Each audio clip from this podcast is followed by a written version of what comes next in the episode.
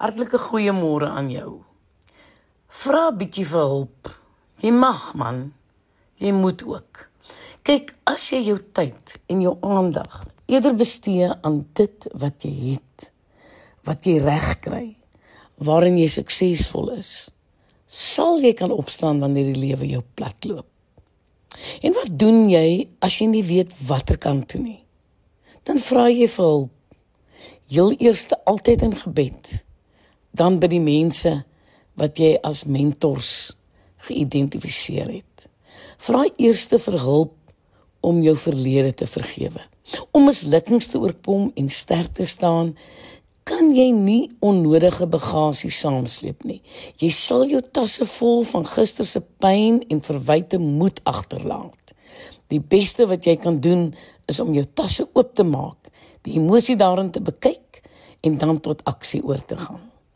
Begin deur die bron van die kwaad te vind en dit te erken en dit te herken. Doen dan alles moontlik om daarvan te herstel. Jong, vergifnis is altyd deel van die oplossing.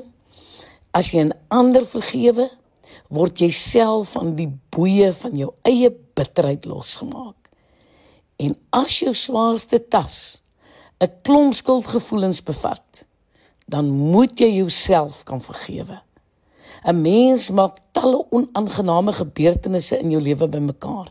Jong, daardie goed kom kleef aan jou siege soos mossels aan 'n skip se bodem. En om daarvan ontslae te raak, moet jy elkeen wat jou leed aangedoen het, vryspreek, ongeag wat hulle gedoen het. Man vee elkeen se rekord skoon. Moenie vashou aan die pynlike herinneringe nie. Vergewe, nie omdat jy so voel nie, want jy sal nooit lus voel om iemand te vergewe nie. Vergewe sodat jou gedagtes skoon en vry kan word. En dan moet jy glad nie oornag wonderwerke verwag nie. Hou aan met die vasberadenheid waarmee 'n Olimpiese kampioen voorberei. Jy kan weet jy het iemand vergewe wanneer jy nie meer wil omdraai of wegkruip as jy hulle sien nie. As jy 1000 keer moet probeer en weer moet probeer, moenie moed opgee nie. Jy sal in die proses sterker en wyser word. Jong God se genade sal eind uit met jou werk. Staan net op uit die moeras van verwerping. Verwerping is van die pynlikste traumas wat 'n mens kan beleef. Jy ken mos daardie aanmerking. Jy's useless. Jy sal dit nie maak nie. Niemand sal jou tog wil hê nie. Wie sal jou stories wil lees?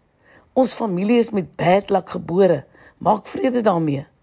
Dis maar 'n paar van die vernietigende monsters wat mense konfronteer en moet verwerk. God wou ons elkeen op hierdie aarde hê. So jy kan dus nie verwerp voel nie. Dawid skryf in Psalm 139:13 tot 16 dat God self betrokke was terwyl ons in ons ma se skoot gevorm is. Verstaan jy dat God jou eerste wou hê? As jy dit nie kop nie, kan jy moontlik ook aan verwerping ly. Dan begin glo jy al hierdie ander onnodige onkundige dinge wat mense jou toesnou. Man, gryp vandag daardie negatiewe uitlatings oor jou lewe vas. Verban sulke afbreekende gedagtes uit jou lewe uit. Verklaar dat God jou wou hê. Jy weet hy het 'n goddelike plan met jou. Soos met Jeremia, Petrus, Deborah, Miriam, Elisabet en vele ander verander jou gedagtes oor jou en hoe jy oor jou dink. Dan neem jy doelbewus nuwe fotos vir jou onderbewussyn. Spreek die gedagteprentjies oor en oor uit.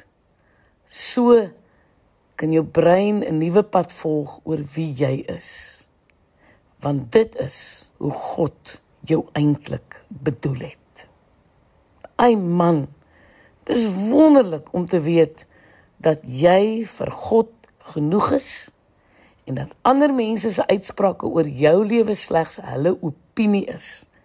Hou jou hart voor God rein en edel en dien hom met blydskap elke dag. Ek is Lenet Beer vir Radio Kansel.